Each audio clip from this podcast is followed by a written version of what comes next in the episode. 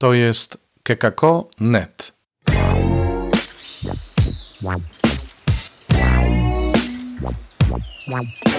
Poranny suplement diety.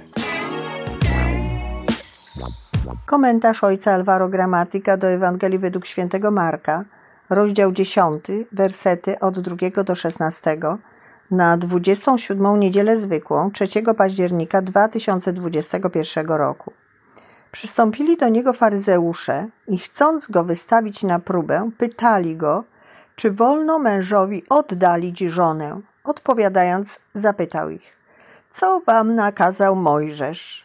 Oni rzekli, Mojżesz pozwolił napisać list rozwodowy i oddalić. Wówczas Jezus rzekł do nich, przez wzgląd na zatwardziałość serc waszych napisał wam to przykazanie. Lecz na początku stworzenia Bóg stworzył ich jako mężczyznę i kobietę. Dlatego opuści człowiek ojca swego i matkę i złączy się ze swoją żoną i będą oboje jednym ciałem. A tak już nie są dwoje, lecz jedno ciało. Co więc Bóg złączył, tego człowiek niech nie rozdziela. W domu uczniowie raz jeszcze pytali go o to. Powiedział im: Kto oddala żonę swoją, a bierze inną, popełnia cudzołóstwo względem niej.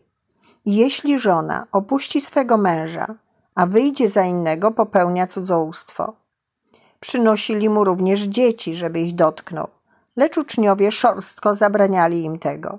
A Jezus, widząc to, oburzył się i rzekł do nich: Pozwólcie dzieciom przychodzić do mnie, nie przeszkadzajcie im, do takich bowiem należy Królestwo Boże. Zaprawdę powiadam wam, kto nie przyjmie Królestwa Bożego jak dziecko, ten nie wejdzie do niego. I biorąc je w objęcia, kładł na nie ręce i błogosławił je. W tym fragmencie Ewangelii uderza obecność dwóch przeciwieństw: zatwardziałość serca i postać dziecka. Zatwardziałość serca jest postrzegana przez Jezusa jako przyczyna możliwości oddalenia żony, aby zatuszować niezdolność do bycia wiernym. Jezus podkreśla jednak, że myślenie Boga jest inne. Stwarzając mężczyznę i kobietę, myślał o jedności do tego stopnia, że mężczyzna i kobieta stają się jednym ciałem. Tekst podkreśla rozbieżność między Bożym planem a odpowiedzią człowieka. Spontanicznie nasuwa się pytanie, czy my, ludzie, jesteśmy w stanie zrozumieć, przyjąć i żyć planem, jaki Bóg ma dla nas? Czy jesteśmy w stanie stworzyć go razem z Nim? Wydaje się to niemożliwe. Z drugiej strony, po wyjaśnieniu swoim uczniom pierwotnego Bożego planu jedności, fragment mówi o dzieciach przedstawianych Panu i o uczniach, którzy ganią takie zachowanie. Z jednej strony sami faryzeusze i uczniowie zatrzymują się na prawie jako kryterium relacji z Bogiem, z drugiej zaś strony są ci, którzy zwracają się do Jezusa z prośbą o błogosławieństwo. Dwa diametralnie przeciwstawne zachowania prawo i wiara. Oto zachęta do zbliżania się do Boga w postawie dziecka, z pełnym zaufaniem do Niego i nie polegania na naszych własnych zdolnościach, które jedynie oddalają nas od Boga. Zbliżmy się więc do Boga w postawie tego, który wie, że nie pozostaje mu nic innego, jak tylko zaufać Bogu, z gotowością tworzenia razem z Nim projektu naszego życia. Poleganie tylko na własnych siłach, zastanawianie się, co jest dozwolone, a co nie, nie pomoże nam zaufać Bogu.